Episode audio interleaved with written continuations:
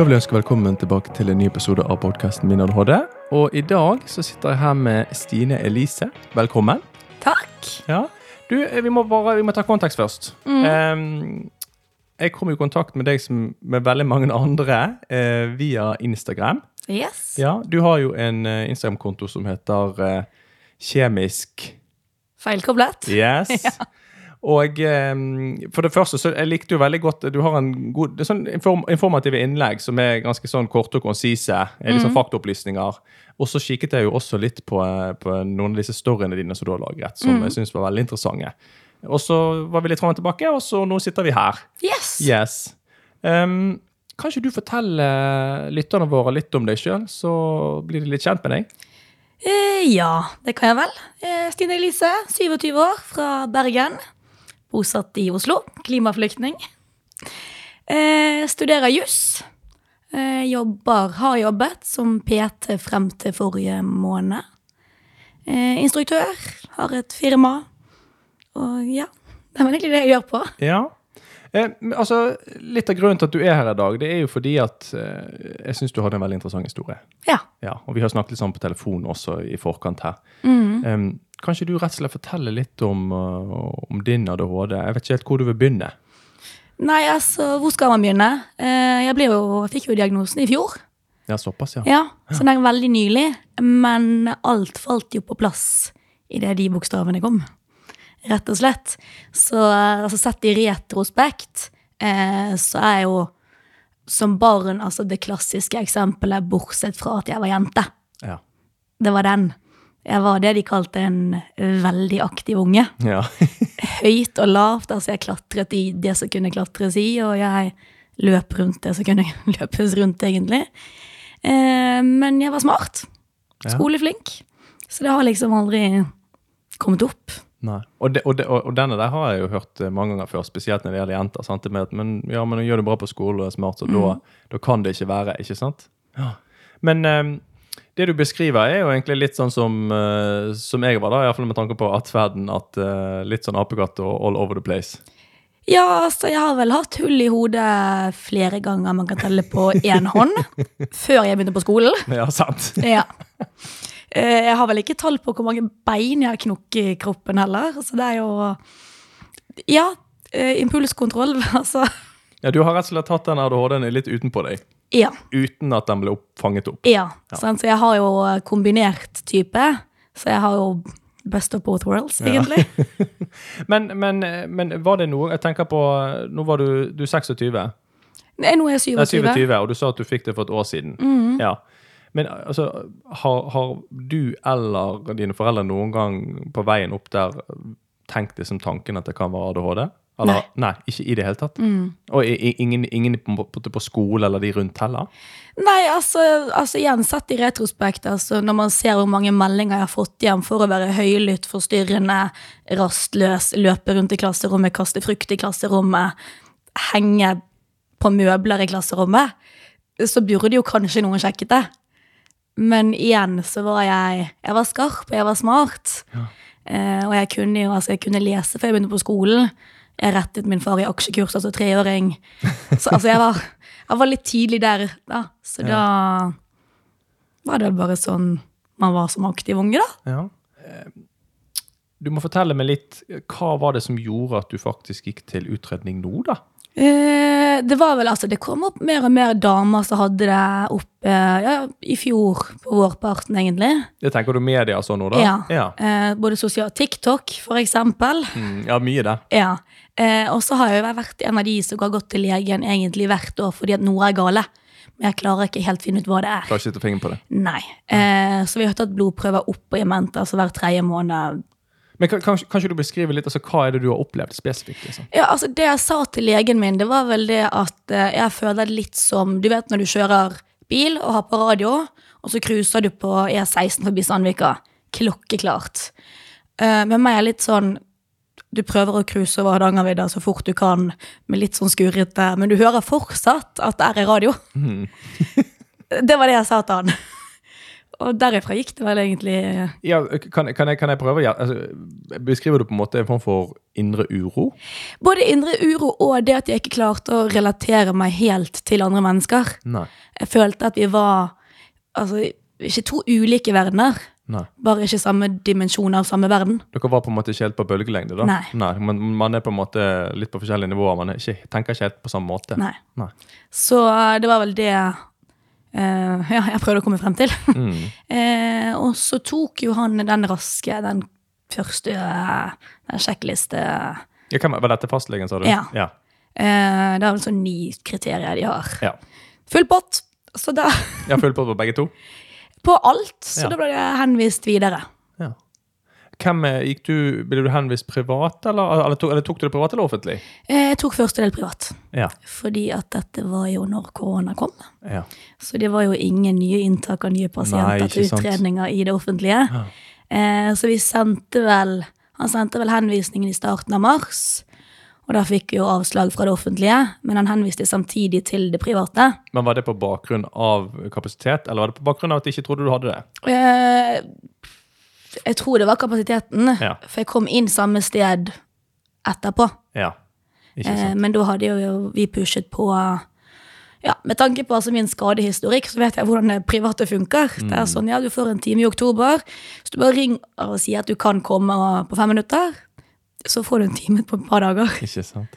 Ta meg litt igjennom. eh, Ok, du er henvist dit, du Ja. kommer dit. Hva skjer videre? Eh, nei, da var jeg på to, sånn to dagers eh, uttesting. Ja. Eh, åtte timer ja, på to dager. Var det, var det sånne altså, Var det sånn nevropsykolog som testet Ja. deg? Sånn evnetester og ja, hele pakken? Hele batteriet? Ja. Aldri følt meg så dum i hele mitt liv, rett og slett. det var følelsen jeg gikk ut derfra med. Ja. Eh, men eh, han var jo ganske tydelig der òg at eh, her er det mye. Mm. Helt mye å ta av. Ja. Ja. Eh, så da ble jeg sendt videre igjen til DPS Ja. eh, og kom inn i det offentlige. Men var det, var det psykiater som da eh, tok og utredet det videre da? Det var vel en psykolog, Ja. og så når medisineringen skulle begynne, så kom en psykiater. Psykiater, ja. Men da tok jo den psykologen utgangspunkt i disse testene og, og det du kunne rapportere. Men var det sånn at uh, dine foreldre eller noe fra skolen, altså hadde du med deg noen papirer, noe som helst på Ja, vi måtte jo ha en sånn bakgrunns... Ja. Uh, min mor måtte inn uh, og svare på en del sånne skjemaer. Og Ja. Det var vel da hun skjønte Oi, Ja, var det så tydelig? ja sant? Så, men der, altså, fra jeg altså, begynte å tenke tanken til jeg ble medisinert med riktige medisiner, så har det jo gått under et år. Ja. Så sånn sett altså veldig heldig og altså pushet på en del selv. Ja. ja, og det er litt sånn, vi har vært litt inne på det i flere andre episoder også. Det er litt dette her med hva ressurser man har sjøl eller de rundt seg, sant? i form av å pushe, men også ren, rene penger. Sant? Det at man faktisk kan gå privat. Det ikke, jeg har jo sjøl gjort det nå i, i voksen, voksen alder, men det er ikke alle som har muligheten til det. Sant? Nei. Dessverre. Um, men OK, eh, utredning, du får diagnosen. Eh, hva tenker du? Uh, altså, det var som at hele livet mitt falt på plass, men ved å falle på plass, så raknet alt. Ja. For da var alt jeg trodde jeg var en løgn. Mm. Jeg har blitt fortalt, altså jeg har alltid vært en veldig mange mener veldig mye om. Eh, og jeg har fått høre hva alle mener om meg òg. Altså det å være folk på samme alder, foreldre til Altså alltid vært en mange har snakket om. Eh, så jeg har jo bare Ja, det er meg. Eh, og så da vite at ja, det var fortsatt meg, eh, 100% men det var en grunn til det. Det er nettopp det. Og den grunnen, den var vond, egentlig. Mm. Um, så ja, uh, i det jeg fikk den, så var det sånn Det var et eh, slag i trynet og et klapp på skulderen på samme tid. på Var det, var det kanskje et form for antiklimaks, da? Ja, Ja. Mm. for altså, det forklarte jo alt. Altså sett tilbake, altså alt gir mening. Ja. Um, men å da nøste opp igjen i alt det, det blir jo en jobb. ja, men det er det. Men har du, har du gått under psykolog og jobbet med den biten her, eller har du bare tatt det på egen hånd? Eh, akkurat den har jeg ikke jobbet med med noen, nei. Nei. Eh, Men det er noe du kunne tenke deg å sette deg ned og jobbe med, eller tenker du at det egentlig ikke er noe behov å snu seg så mye tilbake? Eh, nei, eh, i og med at altså, jeg har gått så mye psykolog gjennom hele livet og Ja. jobbet med såpass mye ting, så er jeg egentlig ganske rolig på den biten der. Ja, Det ga meg altså, mer svar òg. Hvis andre lurer, så får andre lure. Ja. Men uh, jeg ser ikke behovet for å nøste opp og jobbe aktivt inn mot de punktene der. Eh, skulle jeg Altså, jeg vil heller vite hvorfor. Mm. Ikke sant. Men OK. Du har kommet hit, du får medisiner. Mm. Um, får du tilbud om noe annen form for behandling enn medisiner? Men ikke så jeg vet om. Nei. Nei. Men hva tenker du om det, da?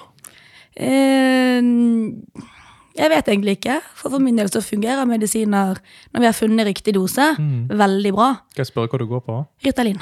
Ja. Samme, samme som jeg. Ja. Ja. Eh, så jeg eh, Det var det første vi begynte med. Så vi tok jo den vanlige var det 20, 30, 40, 50, 60, og så endte vi opp eh, ganske høyt. ja. Så du har en relativt høy dose på det? Ja, jeg har jo skjønt at 80 er vel det som er maks lovlig. Altså, altså jeg, jeg kan jo bare ta en sammenligning. Altså, jeg, men jeg, jeg hadde ikke disse såkalte depotkapslene som på en Ja. måte pumper ut uh, jevnt gjennom dagen. Jeg hadde jo disse 10 mg-tablettene, men jeg kjørte jo tre ganger ti i løpet av dagen. Og det var mer enn Ja. nok for meg. Når, jeg husker det var min mor som beskrev det Eller nei, vet du hva, det var ikke det. Jeg tror jeg, jeg leste det i noen dokumenter tilbake fra utredningen. At jeg tror når jeg hadde fått 20 mg, så satt jeg og skalv. Altså jeg fikk Ja. hjertebank. Så for å si det sånn så det, jeg hadde ganske lav toleranse for det der. Så tre ganger ti det holdt i massevis for meg, altså. Ja. Jeg ligger vel på det dobbelte pluss. Ja, sant? Jo da, men vi er alle forskjellige. Ja, Ja da. og det er veldig fascinerende altså, hvordan man reagerer på det. Mm. Og altså medisiner òg. Altså, alle har jo en mening. Det Ja, får man jo høre. Ja, men, men, men igjen, altså vi, vi er inne på det på, på, på gang på gang på gang. Sant? Det er litt dette her med altså det behandlingsbudet som finnes. Altså, eller det, den behandlingen de anbefaler fra, fra, fra, fra, fra staten, fra offentlig hold, det er jo en lang smørbrødliste. Ja. Og medisiner er en del av, av mye. Sant? Psykoedikasjon, altså samtaleterapi, det er en annen del. Sant? Fysisk aktivitet, kosthold osv. osv. Um, sånn at eh, Men jeg tenker det, det uansett viktig Det viktigste er at altså hvis man sitter som person og opplever at måte, man har kanskje opparbeidet seg en del mestringsstrategier opp gjennom livet som du opplever funker for deg, og så får du medisin, og så opplever du at det er nok, så tenker jeg ja, men ok, men da, Ja. da er det nok for deg. sant? Men så har du andre som gjerne opplever at de får bare medisin, og den fungerer delvis, og så får ikke de tilbud om noe annet, og det er problematisk. ikke sant? Um, men, men det er jo der vi er individuelle, og jeg tenker um, der går det jo på faktisk hva du opplever fungerer. Ja. Men, eh, så nå har du, men da har du altså gått på, på medisin rundt et år. Mm. Ja, og, um, og det funker veldig greit. Bi, bi, altså Bivirkninger effekt, du syns den balansen er god? Eh, Veldig få bivirkninger. Ja, men så bra. Ja. Uh, altså Den eneste bivirkningen jeg egentlig har lest på, er den plutselig død, som står ganske høyt oppe. Det står vel små røde prikker på huden etter det. Uh, Den høres litt kjip ut, da. ja. Så nei, altså det er jo nedsatt matlyst, altså de Ja. tingene der. Eh, men altså, jeg har såpass Men det, er, men det er jo noe av det aller vanligste med den, og det tror jeg Ja. så å si nesten alle får. Jeg hadde store problemer med det. Ja. Ja.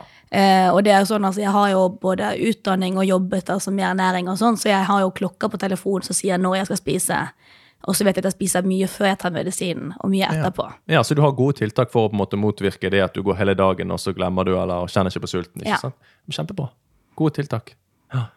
Em, jeg har lyst til å snakke litt om Du nevnte i sted at uh, du har gått en del til psykolog tidligere. Mm. Har du lyst til å fortelle meg litt om bakgrunnen for det? Ja. Uh, skal vi se, jeg ble først sendt inn uh, tidlig ungdomsskole. Eh, det var jo igjen sett tilbake på, så er jo det ubehandlet ADHD som ligger i bunn på alt. Eh, men eh, Men da må jeg høre, hva, hva var det som maskerte seg? Eller, eller, eller hva var det som, som kom fram som da var maskert ADHD? eh, uro i kroppen er jo det jeg har slitt veldig mye med. Ja. Eh, og det så jeg jo bare Jeg husker hjemme hos min mor og min far rett før utredningen. Så sto jeg og hoppet på stuegulvet i tre timer i strekk til russesanger. ja. Til stor fortvilelse til alle rundt. ja. Og hvor gammel var du da, sa du? Da var jeg 26. Ja, nettopp. Så ja, jeg har hatt veldig mye uro. Ja. Eh, men også kom jeg jo ja, tidlig utviklelse, puberteten og alt det. Eh, så jeg var vel tolv år. Så da fant jo jeg ut at ved å ikke spise, så kunne ikke jeg ha så mye uro i kroppen. For da var jeg sliten. Eh, så det var vel sånn det egentlig begynte, uten at jeg selv visste det da. For det er sånn at jeg har veldig lite problemer med mat, men det var en veldig fin måte å kontrollere min kropp og mine reaksjoner på ting. Ikke sant? Eh, så det begynte vel ja, da jeg var tolv. Mm. Da ga meg sjette, syvende, noe sånt. Eh, og det er jo sånn, altså i starten av enhver spiseforstyrrelse, så er det veldig få som ser det. Ja. Fordi at det er jo ikke de største endringene på kort tid. Nei. Eh, og så er det puberteten. altså Folk forandrer seg veldig mye. altså Det er vanlig med kroppslige forandringer. Eh, så det ja, begynte tolv. Da jeg var 15-16, da var jeg vel langt, langt inne i et hull som ingen har lyst til å være i. Nei. Men hadde, hadde de rundt deg begynt begynt å skjønne at Ja. det var noe Ja. Mm. Eh, da visste både min mor og min far og ja, hele helsevesenet altså De satt mye i, i sving. Ja, så da var du allerede på en måte begynt å komme innenfor for systemet. Ja. Så jeg husker jo første altså psykologen jeg gikk til. Det var en voksen dame i Bergen. Og skulle jeg begynne å lage lister og følge det. Og det skjer jo aldri til vanlig. Så det å gjøre det med mat som du også da har utviklet et problem med, det ble jo Ja. Så jeg har vært innom eh, veldig mange psykologer opp igjennom. Eh, og det har jo vært altså Spiseforstyrrelsen er jo, ja, som jeg ser det nå, et resultat av ADHD-en. Mm. Men der jeg var da, så var den jo veldig reell ja, og veldig farlig. absolutt. For jeg var jo eh, Jeg fikk jo først atypisk eh, anoreksi. Og så gikk det over til atypisk bulimi. Og så gikk det videre til ren bulimi. Tilbake igjen til atypisk anoreksi. Og så har jeg egentlig switchet mellom disse Ja, det blir vel da i ti år. Ja. Jeg tenker det er jo Det er jo veldig tærende på kroppen. Ja, og det var jo Da var jeg vel 16-17. Mm. Da fikk jeg beskjed at, at du står på to bein og, og at du lever. Det er, det er ingen som forstår. Ne. Så da ble jeg hasteinnlagt på Haukeland med eh, altså alt inn overalt og et hjerte som egentlig ikke burde slå. Eh, og da husker jeg, da var jeg så langt inn i det at jeg tenkte jeg dro bare alt ut når han gikk. Ja, sant. Alt, det- av- alt av venefloner og alt ut. Ja. Yes. Fordi at da tenkte jeg visst, men da slipper jeg kanskje å ha uro. Og da slipper jeg kanskje alt jeg egentlig har. Ja. Eh, så det var vel en av de sett fra andres øyne verste. Men det psykiske har jo vært mye verre enn det òg. Men kan jeg spørre, altså, hvordan, eh, hvordan kom du deg ut av det her? Mm, det lurer jeg selv også på, egentlig. Nei, jeg var eh, Det er vel nå fem år siden. Da var jeg innlagt på Modum bad. Um, og der er det jo i tre måneder, og det er veldig strengt. Um, og der er man jo en gruppe altså, som har spiseforstyrrelser, som er å få behandling sammen. Og igjen følte jo at jeg ikke var lik de andre. Nei, du følte ikke at du passet inn der Nei. heller? sant? Nei, Eh, og det er jo den som har gått igjen gjennom hele livet. at Ikke passer inn. Ja. Eh, og sånn altså med spiseforstyrrelser så jeg var ikke jeg var ikke anorektisk nok til anoreksi, jeg var ikke bulimisk nok til bulimi, så jeg fikk en atypisk altså alle steder. Ja, du lå på en måte og fløt, eh, fløt eh, over i hverandre. Ja. Eh, men ja, jeg var innlagt der for Ja, det blir vel fem år siden. Um, og der inne skjedde det veldig lite, egentlig. Uh, men uh, jeg husker jeg hadde én, det var ikke min psykolog. Uh, for hun gren jo mer i timene mine enn det jeg gjorde. eh, men også fikk jeg en, en mannlig psykolog på én time, og så sier han bare Han ser på meg og sier han Men skal du være hun bitchen på gamlehjemmet så ikke vil ha den skiven med brunost? Og da var jeg sånn Jeg har jo ikke problemer med mat. Det er jo ikke maten som er problemet. Ehm, så jeg ble jo ikke frisk før jeg kom hjem og begynte å jobbe aktivt. Da var jo maten et veldig stort problem. Og bare det Jeg kunne jo spise knekkebrød, og så kom det opp automatisk. Jeg trengte ikke å gjøre noe. Sånn, Det var på det stadiet.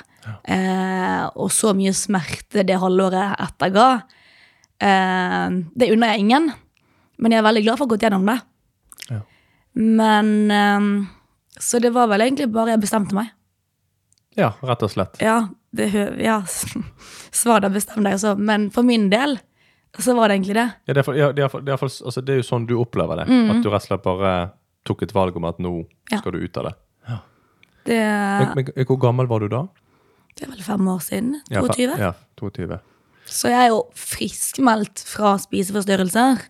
Men så, Opp, opplever du sjøl også at du er Jeg- ute av det? eh, jeg er ikke frisk, men jeg er ikke syk. Nei, Det er jeg som har kontroll på maten. Maten har Yes. ikke kontroll på meg. Eh, men med tanke på at jeg har levd ti år med dette, og ti av de viktigste årene i utvikling, og av hjernen spesielt, har gått med til dette, så tror jeg aldri at jeg kan kalle meg frisk. Nei, jeg forstår hva du mener. Ja, for jeg bare vet hvordan jeg skal håndtere det. Mm. Jeg kjenner jo på det, altså de dagene jeg har glemt av medisin, eksempel, så kommer uroen. Og da kan jeg begynne å tulle med mat veldig fort igjen. Ja, Så det er fort sånn at du kan trekke litt tilbake til gamle mesterstrategier. Ja. Mm. Eh, men nå vet jeg jo selv at jeg gjør det, Ja. så da kan jeg jo hente meg inn igjen der. Ja, og det, og det er litt Altså, jeg merker sjøl liksom at Og det, det er noe jeg har veldig lyst til å på en måte formidle til lytterne. og det er det at Når man faktisk blir klar over sin egen atferd og handlingsmønster, når du får den innsikten der Og det er ikke alltid like lett. Men, men når du først kommer dit, det, da er det faktisk utrolig mye enklere å begynne å ta tak i ting. Fordi at hvis ikke du har innsikten der, hvor skal du ta tak i det da? Altså, altså Andre kan fortelle deg det. Jeg, jeg har vært der sjøl med andre ting. At folk forteller meg det, og jeg bare anser det ikke. Jeg innser det ikke. Og så når du først kommer til det punktet, så er det, det er nesten som om du mister det sjøl et lite øyeblikk der. Fordi Ja. at du forstår, altså Når du virkelig forstår, så tenker du bare Fy faen, hvor dum jeg har vært. liksom. Hvorfor har jeg ikke sett det før nå? Men når du først kommer dit, da er det mye enklere å ta tak i ting. Jeg, jeg sier ikke at det er lett, Nei, nei. Men, men, men da har du faktisk en reell sjanse. Ja, det er enklere, og så ser man det med litt andre øyne. Man ser det litt mer utenfra, fordi at man faktisk har både vært i det, men også gått ut av det, og får et helt annet perspektiv på hva man faktisk gjør, og hva, hvilke konsekvenser det egentlig får. Ja, men ikke sant? Så ja, det har vært uh, mye opp igjennom. Ja. Uff, det er 100% uten tvil, altså. Men eh, ja, altså det jeg sier, altså, jeg har så distanse til det.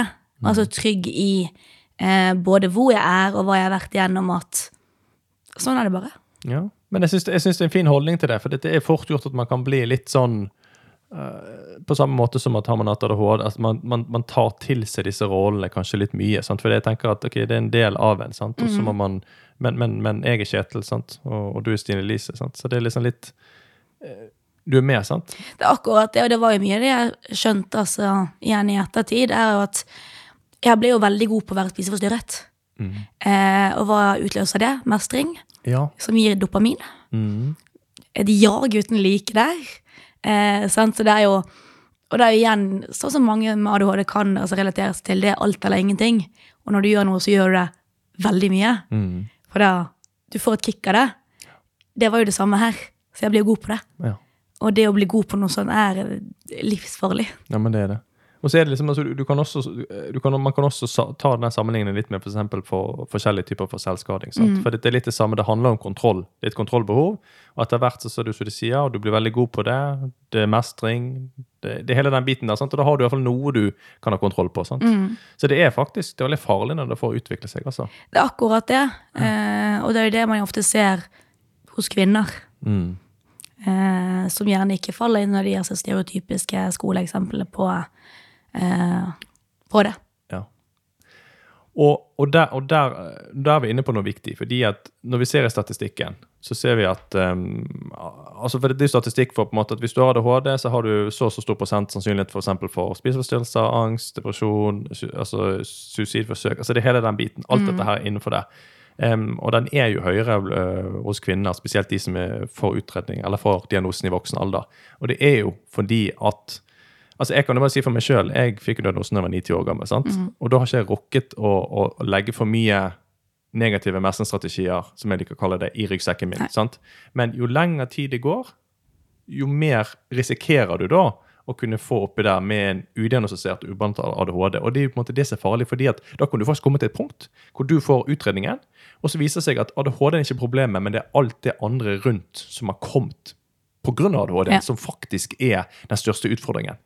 Og det er, det, og det er derfor det er så forbaska viktig at man prøver å få et litt mer nyansert bilde av hva er ADHD. For det er så fryktelig Det er så stor variasjon. Ja. Sant? Og, og, og, og hvis man ser på det på den måten, så kan man kanskje oppdage det tidligere hos, hos flere andre, sånn at man kan få den hjelpen så tidlig som mulig. Fordi at det er ikke stikke under en stol. Jo lenger tid det går, jo verre kan det bli. Absolutt. Eh, og det, altså, det er i seg selv at hadde jeg blitt sett som barn, eh, så hadde det gjerne ikke gått så ille som det gikk. Eh, men det er jo ikke noe jeg kan gjøre noe med nå, og det er jo ikke noen sin feil heller, for det var ingen som visste på den tiden. Men nå vet jo folk. Eh, eller burde vite litt mer. Ikke sant? Og der er vi også tilbake igjen til Det er også grunnen til at vi sitter her. Det er grunnen til at jeg har startet det prosjektet. For jeg ønsker jo å um, heve kunnskapsnivået både hos folk flest, men, men, men, men også hos oss som har ADHD. De med, de, både de med udiagnostisert og diagnostisert. um, få opp kunnskapsnivået der. Uh, komme, med, sånne, komme med mye kunnskap, sånn at folk kan ta gode valg sjøl. Og, Ja. og gjerne Gjerne mens han sitter der og kjenner seg igjen i dette. her, Kanskje ta den utredningen, få en grundig utredning, finne ut liksom, er dette ADHD, eller er det kanskje noe annet? Og så, og så kan man gå videre derfra, da. Ja, og det er det jeg tenker. Altså, man er så altså, privilegert som faktisk bor i Norge, så har muligheten til det. Man har et helsevesen, så ja, det går ikke knirkefritt hver gang, men det er der. Og man har det. Man har mulighetene. Og det er mer enn veldig mange andre har. Absolutt. Eh, så selv om altså ting burde bli sett sånn og sånn, så har man jo faktisk Man har noe å støtte seg på på veien. Ja, man har det. sant? Og så, og- og så kan du si at er det godt nok sånn som det er nå? Nei. Nei. Er det mye som kan bedres? Ja. Men det som du sier, hvis du skal sammenligne med andre land, så har man tross alt faktisk en mulighet der, selv om man kanskje havner på en venteliste og det tar lang tid, eller man får avslag på disse her fordi man blir ikke tatt seriøst nok. Men, men man har iallfall en litt større mulighet. da. Ja. Ja. Men eh, jeg er litt nysgjerrig, for du nevnte i starten at eh, du har tatt litt utdannelse innen, innen fysisk aktivitet, innen trening. Kanskje du forteller meg litt om det? Uh, ja, jeg har uh, Jeg er utdannet PT. Har en halvveis bachelor i fysisk aktivitet og uh, ernæring. Eh, og så har jeg har alltid jeg drevet mye med idrett som barn. Eh, så det er vel egentlig der Alltid vært godt trent, alltid vært veldig god i idrett. Eh, jeg var jo altså sånn da jeg var liten og altså aldri inne. Og mamma måtte alltid hente meg fotballbanen etter skolen. Eh, jeg husker jeg sto ute en gang da jeg var liten, eh, og så hadde jeg et fotballmål utenfor eh, hos oss. Og da skal jeg skåre ti mål med venstre og med høyre per sånn ledd bakover. Og hvis jeg bommet på en, så måtte jeg gå helt frem igjen. Det kan ta tid. Uh, ja, i Bergen i november, Ja. så Jeg var ikke mamma så glad når jeg kom inn. så ja, altså, trening har alltid hatt en veldig stor, stor del av meg. Og det har jo vært en måte å få utløp, i hvert fall i barneårene, for all energien jeg har. Ikke sant? Eh, så det var faktisk da jeg skulle bli frisk fra spiseforstyrrelsen òg, så tenkte jeg jeg skal begynne å studere dette. Ja, ja, Så dette var i forbindelse med ja, det var Ja. etter det. Eh, skal jeg begynne å studere dette, for dette er jeg jo god på, og syns det er kjempegøy selv. Eh, så tok jeg PT-utdanning. Eh, fikk jobb som PT, og ja, det gikk egentlig. Så skulle jeg begynne på en bachelor i eh, fysisk aktivitet og ernæring. Ja, da mista du meg. altså, da var det sånn For da ble det jobb. Ja. Og det ble for mye. Det, jeg, det som var min flukt, ble det som tvang meg til å flykte, Ja. egentlig. Ehm, så det var ikke det at det var for mye skole, så jeg studerer jo juss i dag og syns det altså, går mye bedre enn å studere trening. Um, men det ble det, i hvert fall med den bacheloren. Det handler litt om motivasjoner, da. Ja. Ja. Uh, og så var det sånn, jeg hadde jo allerede jobben, Mm. egentlig. Uh, så ja, eh, den droppet jeg jo greit ut av. Eh, men jeg fortsatte PT, Ja. og det har jeg vært egentlig frem til nylig. Um, men um, Men jeg kan bare spørre, har du, har du jobbet primært måte som stedlig PT på et senter, eller har du også jobbet litt med webcoaching, altså via mail og sånn type ting? litt begge deler. Ja. Men min ADHD tillater ikke meg å ha ting på mail, egentlig. Altså, jeg, jeg må få si, jeg har jobbet som webcoach lenge sjøl, men jeg, altså, jeg kjenner til problematikken. Ja. Jeg kjenner til til uh, seine mail som ble sendt ut i ett-to-tiden fordi at eh, Ja, du vet. Jeg trenger ikke si noe. Nei. Og jeg tror mange andre ute som lytter, vet akkurat hva jeg snakker om. Så ja, jeg prøvde meg litt til det. Det Nei. Så jeg har vært eh, ja, fysisk til stede eh, på Sats, og egentlig stortrives. Eh, altså Grunnen til at jeg sluttet nå, var jo på grunn av at jeg har en annen jobb også, som var altså, mer relatert til studiet, og at jeg har et ganske massivt studie Ja. jeg holder på med. Totalbelastning, rett og slett. Ja, også, Men jeg har fortsatt et firma der jeg drar til bedrifter og trener de. Så kult, da. Ja, Så det driver jeg litt med, og så er jeg instruktør. Um, så altså, Mye av hvem jeg er, har jo jeg alltid identifisert med trening. Mm. Det har liksom vært Stine, hun er godt trent. Uh, og det var vel når jeg hørte det om meg fra andre Det var noen som spurte hvem er Stine. Hun er godt trent. Jeg er så mye mer enn det. Ikke sant? Jeg ville ikke være hun som bare var veldig godt trent. Eh, så da gikk jeg litt ut av Prøvde å gå litt ut av den. Men igjen så er det jo en Ja, du måtte på en måte prøve å skape litt distanse, da. Ja. Men det er jo en veldig stor del av meg, på godt og vondt. Uh, igjen tilbake til barndommen så fikk jeg beskjed om at jeg var overtrent første gang jeg var tolv år. Uh, og etter det så har vel egentlig bare plagene altså bare litt på seg. Så jeg har vel røka av fem av seks leddbånd i ankelet. Og så har jeg eh, ett korsbånd i kneet. Eh, ankelet har jeg knokket et par ganger. Et tretthetsbrudd, tre tretthetsbrudd i foten. Knokke venstre armen tre ganger og høyre to. Noen forstuinger. Sikker på ikke det er MMA du med. Så ja, altså, og det er jo det treningen altså, har gjort mot meg òg. Mm. For jeg har igjen gjort det til det ekstreme at eh, ja, Da jeg merket tretthetsbruddene i foten, for eksempel, så løper jeg jo halvmaraton Ja. her i Oslo. Ikke så veldig lurt. Eh, nei, men altså, jeg merket det Jeg begynte å kjenne det på sånn tiende kilometer. Ja. Det var veldig vondt i foten. Men, men det, det går fint. Ja. Kastet opp og, Altså opp Sankthanshaugen. Så jeg kastet opp hele veien. Fullførte. Fikk en gin tonic, gikk på byen. Kunne ikke gå dagen etter. Nei. Nei, det var vel litt smertestillende i form av alkohol der, og så våkne opp til tidenes baksmell. Ja. Ja. Eh, og sånn har det egentlig bare, altså bare vært. Jeg har jo operert, jeg har en ødelagt hånd eh, som de ikke kan gjøre noe med, fordi at jeg har pushet igjennom det som egentlig er forsvarlig av smerter. Eh, også samme med knær og ankler, hofter. Jeg har pushet igjennom at altså, tok man en skann og så på altså, historikken til ligamenter og ledd og sener og alt det her. Da skulle man jo tro jeg var en 85 år gammel dame med lårhalsbrudd og Ja. Herregud. Så jeg har jo virke, Altså, treningen har jeg pushet til det ekstreme at det er jo ikke Altså jeg spørre, hva, hva to, Har du gjort deg noe mening om hva altså formening om hvorfor du Altså grunnen til at du har pushet så hardt på absolutt alt?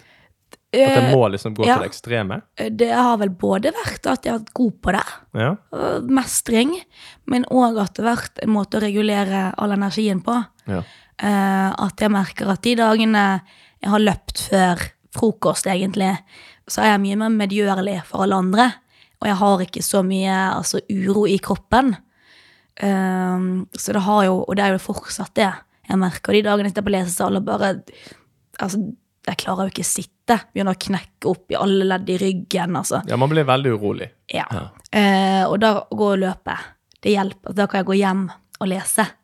Eh, så det er jo en måte for meg å regulere uroen den dagen medisin, altså, medisin ikke klarer å ta hele biten. Mm. Men de, de har jo også sett på nettopp det du sier nå, det der med faktisk å um, Og de nevnte det jo også i den podkasten Hjernesterk, at uh, de anbefaler jo faktisk det å Altså før du skal studere eller sitte og lese, kom deg ut og Det som de sier, liksom hvis ikke du kan løpe, altså gå hardt inn mot- motbakke Det viktigste litt puls. puls, puls Ja. rett og slett, å få opp den pulsen. Så, så, og det gjelder jo for absolutt alle. Eh, både nevrotypiske, altså normale sånn sett i Ja. og, og også og alle andre. Så em, det er absolutt ikke noe negativt i det i det hele tatt. altså. Bare få denne der opp. Og, og som de sa, du trenger ikke gjøre det sånn ekstremt eh, lenge heller altså, for å få god effekt. altså. Nei, det var gjerne den jeg kanskje skulle hørt litt mer på. at... Ja. eh, kanskje litt begrensende. Men, men, men, men jeg tenker, nå den dag i dag, da Ja. for, det, for, for meg så høres det ut som du på en måte har hatt et um, Hva skal vi si Altså, Det har jo tydeligvis gitt deg veldig mye, men det har jo også, det har jo også vært mye i overkant. Og, og man har kanskje hatt et, et, litt spesielt forhold til dette med fysisk aktivitet. Men hvordan, hvordan er forholdet ditt til det i den dag i dag, da? Mm, spør du meg, veldig balansert og rolig. Ja. Spør du noen som ikke trener, så er det fortsatt mye. Ja. Eh, jeg trener fem-seks dager i uken. Men kanskje, kanskje jeg stiller et litt, eh, litt annet spørsmål, som kanskje kan eh, gi oss et, et, et godt svar på det. Hva, når du trener nå, og du opplever at det er balansert, hvilken respons får du fra kroppen din? Det funker. Ja. Ja, Ja. det funker. Så det, så det er lite vondtere, og det er mer balanse på det? Ja, altså, det var jo det jeg begynte å merke når jeg trappet ned på treningen. Eh, så gjorde kroppen mindre vondt. Ja. Eh, og det ga jo ikke mening i mitt hode. Nei. sånn, Det var jo Og så var det vel det at jeg gikk fra å trene egentlig altså kun styrke til å gå over til delt løpingsstyrke. Ja. Eh, som også gjorde veldig godt for kroppen. Eh, for eh, altså hvis man ja, Jeg er jo bygget som en type altså, Jeg har veldig mye type 2 eksplosive fibre. så jeg har hatt veldig mye tung styrketrening. Ja. Eh, og jeg er jo ikke en så veldig stor person. Så at altså, når jeg stiller meg opp altså, femte gangen i uken med over 100 kilo på ryggen for å ta knebøy, så har jo ikke kroppen respondert som den egentlig, som jeg ville den skulle. Nei, ikke sant? Eh, så altså, jeg har altså, per nå mye mindre vondter. Men det er jo noen, men de er Jo da, men jeg tenker med den historikken du beskriver, sant? det vil nok gjøre litt vondt, og sånn Ja. som det, men jeg tenker eh, litt smerte det, det er man som man bare må lære å leve. Kjenner man lever Ja, ja, ikke sant? Men, eh, nei, men ok, men, eh, men hvordan, hvordan eh, opplever du at du bruker Jeg tenker at Du går på medisin og du opplever at det har god effekt. Hvordan opplever du den effekten for eksempel, hvis du skal sammenligne den opp mot den fysiske aktiviteten? Mm, øh, altså Medisin hjelper jo mye mer på skolebenken. Ja. Eh, og det å holde ro og fokus, ikke minst. altså Fokus er vel det jeg merker mest på Ja, mm. med medisinene. For det visste jo ikke jeg hva var før i fjor. Nei. Eller med mindre jeg har et hyperfokus, da. Ja. Sant? Da er jo jeg igjen det ekstreme, som alle andre. Mm. Eh, men jeg visste jo ikke hva, egentlig hva det var å kunne sitte i ro og lese uten at du måtte lese siden åtte ganger, og at du så på alle rundt deg og alt andre som skjedde. Jeg trodde jo alle hadde det sånn. Så når folk sier det, jeg fokuserer, jeg bare ok. Hvordan får du noe ut av å fokusere? Ja, jeg vet det. Jeg vet det. Jeg kjenner meg veldig igjen i den biten der. Det er det der med det alle de der impulsene som er rundt deg, og det er mm, altså Hvis man ikke har den roen der, altså, så eh, da må, man, da må man gjøre konkrete tiltak for å faktisk få den. Det er ikke bare å si liksom, kan du konsentrere deg, eller sånn som det.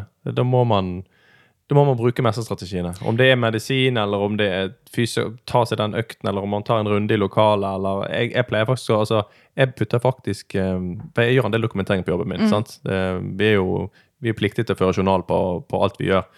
Um, og jeg putter pluggen i øret, og så hører jeg på klassisk piano. Fordi at, Du må jo le, for jeg hører på Mozart og Beethoven Jo, jo. når jeg studerer. jo, jo, men jeg kan ikke, for det, det er et eller annet med, det annet med når, når det ikke er en vokal der. sant? Kan ikke være vokal. Nei, det kan det ikke være. Men, men det er et eller annet med, med, med pianomusikk. Eh, altså det, er, det må være en eller annen hertz eller en eller annen At han treffer akkurat Det er det jo. Det er jo alfa- og beta-bølger som det går på, egentlig. Jo, men, for, men, men det er så sjukt, fordi at da, kan jeg gå og, og jeg, La oss si jeg ikke har spist og ukonsentrert, sånn men selv da, da fordi jeg har ikke tid til det, jeg må bli ferdig før jeg skal løpe etter bussen, og alt det greiene der, så putter jeg det på, så går det ikke mange minuttene før jeg bare boom. Og så gjerne hvis jeg lukker døren inn til det lille avlukket som jeg har, for jeg har jo fått det, selvfølgelig, Ja. for jeg har krevd det, og fått det. Um, da kan jeg faktisk sitte og dokumentere. Og det er nesten litt sånn utrolig, for det er som å trykke på en knapp, egentlig. Og, da, og da får jeg fokus, og det er bare så behagelig. Og så er det, Synes jeg det er fin musikk å høre på også. Ja, men altså det, Jeg har en sånn spilleliste med Dark Academical Classical, heter det. Som må være litt mørkt, og som må være litt trøkk i det, men ingen vokal. Eh, men det leser jeg ku, altså, kun til studier. Ja. Fordi at jeg vet at når jeg putter det på øret, da er det studier. Da er det fokuset. Ja. Ja. Da er ikke fokus på VG lenger. Da blir det sånn, da er det uinteressant. Ehm, men igjen, jeg har alltid vært sånn Altså Før jeg ble, fikk diagnosen, så leste jo jeg til russemusikk. Og trans på full guff. Men de har jo gjort noen studier på Men, men det er jo helt ekstremt. På, på ren støy. Altså, Ja. sånn, altså sånn type, Når jeg hører på det, så tenker jeg at det er vondt i øret. Men at, det faktisk skal ha effekt. Så jeg tenker, Det er satt veldig på spissen. Men, men det at man kan bruke en form for altså Kall musikk støy, da. Altså Positiv negativ støy. Du kan bruke en form for støy til å kansellere ut den, all den andre støyen utenfor. Det er akkurat det. Absolutt. Og det er jo sånn jeg ser hjemme, jeg kan jo ikke gå hjemme og gjøre ting uten å ha radio eller podkast på i bakgrunnen. Trenger ikke å høre hva de sier. Det må være noe... Du må bare ha den litt støyen. Sant? Ja. det må være noe støy. For da blir det på en måte en støy som du istedenfor at du da skal ta inn absolutt alle de andre tusen impulsene rundt, så kan du heller fokusere på den ene støyen. Det er jo litt der, da. Så det er veldig, veldig mye sånn, altså musikk og helt til det er helt nok. Da må bare rive ut av øret, og så bare Da var det nok. Men du, når vi er inne på det her sant? Nå har vi jo nevnt en del strategier, En del du bruker, litt jeg bruker, og vi bruker tydeligvis en del av det samme også. Men, men er, det andre, er det andre strategier du bruker for på en måte Hva skal vi si Holde strukturen og holde kontrollen? Veldig få som funker, egentlig. Det er liksom de vi har nevnt. Ja, Jo, men samtidig, jeg syns de er ganske gode, jeg. ja, altså, det er det. Og så har jeg vel egentlig bare altså lært meg å leve at jeg er meg, og sånn er jeg, og så funker det. Uh, som jeg sier til altså, alle mine venner Altså Hvis du ser på min telefon etterpå, så kommer det så 406 uleste meldinger. Det er vanlige meldinger. Går man inn på Snapchat, og alt det, så kommer det mer og mer. At jeg kan ikke svare, med mindre jeg vil ha svar selv. Eh, men da må jeg bare, bare sende en melding til, og så må du skrive svar. Svar, så svarer jeg. For det er ikke det at jeg ikke vil svare, jeg har bare svart i hodet, for eksempel. Eller så eh, Ja. Jeg har sagt, ja. jeg, kjenner, jeg kjenner veldig godt til det der. Og det der har faktisk for meg så har det utviklet seg nesten til sånn OCD-aktig. Fordi at jeg er sånn at når jeg ser på mail, på om det er Snap, Insta, Face, Messenger, at det er det lille røde ikonet som viser antall, så må jeg liksom inn, og så må jeg svare det ut, sånn at det forsvinner. ja. Altså, jeg blir, det, det, det blir, det, altså, jeg, kan, jeg blir helt sånn Jeg må? Så Noen ganger så må jeg utsette det, for jeg vet at hvis jeg leser den nå, så må jeg svare på den. Og da kommer jeg til å bruke lang tid på det. sant? Så Ja. det, du, du, blir, du blir helt sånn tvangsbredt rundt det. Det er det jeg, ut. jeg kan ikke begynne med det, for da forsvinner et par år av livet mitt fremover. Ja, faktisk. For det går så langt. Jeg, jeg, jeg, jeg, tenker, det er godt at de, at de rundt oss, de som kjenner oss skikkelig, de aller nærmeste, at de faktisk er klar over det. Fordi at eh, jeg tenker Hvis man ikke kjenner men så godt, og må bli sånn, så må man begynne å lure av og til. Ja, jeg blir jo det. altså, en bitch, egentlig, for alle andre som ikke vet om det. Det er derfor jeg alltid sier det. faen, alle Ja. svarer, helvete. Spiller so hard to get, egentlig, så er jeg bare lost in uh, Lost in my own head. Ja. Men du, vi må over på um, kjemisk feilkoblet. Ja! Ja, det er jo grunnen til at vi faktisk kom i kontakt. Um, altså, fortell meg litt om, uh, om altså, hva, hva er konseptet, hva er tanken, hva er budskapet? Uh, ja, det er jo at man er litt kjemisk feilkoblet. Um, det er jo altså så mye som du holder på med. Altså, har lyst til å øke altså, kompetansen og kunnskapen til folk flest. Mm. I hvert fall sett fra altså, en kvinne. Kvinne med ADHD. Sant? Eh, det er jo det jeg kan. Ja, ja. har ikke, har ikke prøvd noe annet. Eh, men med en ironisk distanse til det, eh, og på bekostning av meg selv. Ja. At jeg vil ha humoren i det. Jeg vil ha altså, min snert over det, og ikke For det første, altså, klag Altså, det er ikke synd i meg, eh, og jeg vil vise at altså, jeg er meg, og sånn er det. Og jeg vet at jeg har masse feil, og jeg altså, omfavner mer alt det jeg syns er helt latterlig ved meg selv også. Mm. Eh, på det jeg syns er en gøy måte, da. Ja, så du tar det ikke så, så selvhøytidelig? Nei. Sant? Altså, dra gjerne frem også igjen de stereotypiske eksemplene på ADHD, og så bare forsterke det enda mer. Det er jo det jeg har lyst til, altså bare skape litt altså, lavere terskel, eh, og altså kunnskap på en litt gøyere måte, Mm. egentlig. At det ikke er sånn statistikken sier det, kvinner er sånn, menn er sånn, den, den, den, den. Sant? Altså, skulle jeg gjort det, det sånn jeg sier at jeg har en gutte-ADHD. Altså, og jeg setter det på spissen. Ja, ja, ja. Eh, sant? Og da har jeg møtt folk Ja, men du kan jo ikke si at du har en gutte-ADHD sånn, for du er jo jævlig, så- er det sånn, ja, men Det er satt på spissen. Kall en spade for en spade, sant? Og så sier Ja. jeg Altså, ja, men sånn er jeg altså, ulik fra normalen. Sant? Og så da kommer jeg Ja, men du er jo normal, du òg. Og så er jeg sånn Nei! Nei! La meg omfavne altså meg selv, i hvert fall. Mm. På min måte. Eh, så det er egentlig det som er Det jeg har lyst til, er bare at det skal være litt gøy. Altså få litt memes ut av det, få litt humor Ja, på Altså Altså igjen, det setter det på en måte på spissen. sant? Ja. Og Og samtidig da få ut uh, kunnskap. Ja. Ja.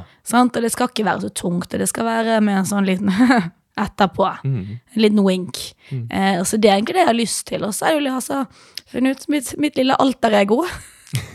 og da er det jo sånn kanskje jeg skulle holdt på den narsissistiske diagnosen jeg fikk. Sånn. Mitt eget alter-ego er meg selv. Nei da. Eh, og jeg har ikke den diagnosen nå heller. Ja, men det er godt. Eh, men eh, nei, det er egentlig bare det. Altså der Jeg har en, altså en privat Instagram òg. Så altså med følgere så er altså, litt mer på bekjentskap, litt perifere bekjente. Og så har jeg møtt ute, sant. Ah, ja.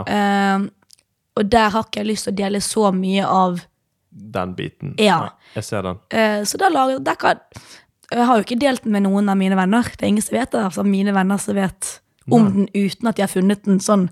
Tilfeldig. Ja. ja. Eh, altså, jeg har jo blitt konfrontert med det i ettertid. Eh, men liksom, der kan jeg være hele meg Mm. på den tøysete måten jeg er på de tøysete dagene. Eh, og det er det den er bygget opp for. Men, men jeg tenker du er helt innenfor. For det, ta, ta, den, øh, ta den profilen min ADHD, da. Sant? Den handler jo om prosjektet. Sant? Ja. Jeg forteller om meg sjøl, sånn det, men det, det er ikke der jeg på en måte legger ut liksom private Nå er jeg på fisketur, eller nå er jeg på der, eller Svalbard, eller whatever. liksom. Så, så det, jeg helt, det blir på en måte akkurat samme som jeg holder på med. Ja. Mm. Det, blir, det blir på en måte prosjektkontoen din, da. Og da holder du deg til det. Og så hvis, hvis dine bekjentskaper kommer seg inn, inn via der, så OK. Ja, ja det har sagt at de er hjertelig velkommen. Eh, men det er ikke noe altså, jeg har lyst til å Det er jo sånn altså, med tanke på at jeg fikk diagnosen såpass seint òg, at jeg snakker gjerne en del om det foran vennene altså for vennene mine og sånn. Og det er jo ikke for å skylde på det, bare fordi at jeg har akkurat lært noe så stort om meg selv. Ja, det er jo ikke jo ikke lenge siden. Nei, Det det. og det er jo fortsatt en ting som altså, ligger der som er ganske nytt. Eh, og da tenker jeg at jeg kan spare de for mye av det, egentlig. For de kjenner jo meg. Ja. Og de vet jo også, Da jeg fikk diagnosen, sa det til en venninne bare Ja, og det visste jeg. Mm. Det visste vi jo. Ja, for det, det eneste jeg syns ikke når de får vite det, det, det er jo bare mer sånn Å ja, det forklarer jo hvorfor sånn og sånn. Ja. Sant? Det, det er jo ikke noe annet som skjer. Nei, Nei. sant? Så da har jeg tenkt at altså, de som vet, de vet, og de som ikke vet, de vet ikke på den andre. Men på den jeg har bygget opp, altså det er, så, er det kun den versjonen. Og så gjerne vil den jo avspore litt. Altså Nå har det blitt mye sånn fakta Jo, men, men jeg, lik, jeg likte veldig godt de, for de er liksom korte, konsise er faktaopplysninger der som kan fortelle ganske mye med få ord. Ja. Så jeg syns det er en fin måte å gjøre det på, fordi vi vet jo at liksom hvordan sosiale medier fungerer, og skriver du inn stil, ja, så leser de kanskje første par linjene. Altså, men så, det er sånn det fungerer. Det samme video. Legger du ut en video på en time sant, versus et minutt. Altså, vi, man må følge spillereglene Ja. hvis man skal faktisk nå ut. Det er akkurat Sånn er det. det bare. Sånn er det bare. Og så er det syns jeg, altså kjemisk feilkoblet. Det syns jeg er veldig gøy å si. Ja. rett og slett. og det er, jo, altså, det er jo fakta. Det er jo en feilkobling. Altså, ja, ikke, ikke arrester meg på å si feil. Det er en kobling et sted som ikke er helt eh, sånn som den skal være. Eh, så det syns jeg bare er gøy. Mm. Og det er sånn jeg sier til folk tror jeg gøye steder når folk sier du er helt gal. Så sier jeg ja, men jeg har papirer på det, så det går fint. Ja. Nå har du iallfall papirer på Ja. det. Ja. Så altså, det, det funker. Men du, jeg vil si tusen, tusen takk for uh, praten og for at du kom. Jeg synes det har vært en uh, veldig interessant samtale med deg. Selv takk. Ja. Veldig gøy. Ja. Så takk for at du deltok. Ja, selv takk.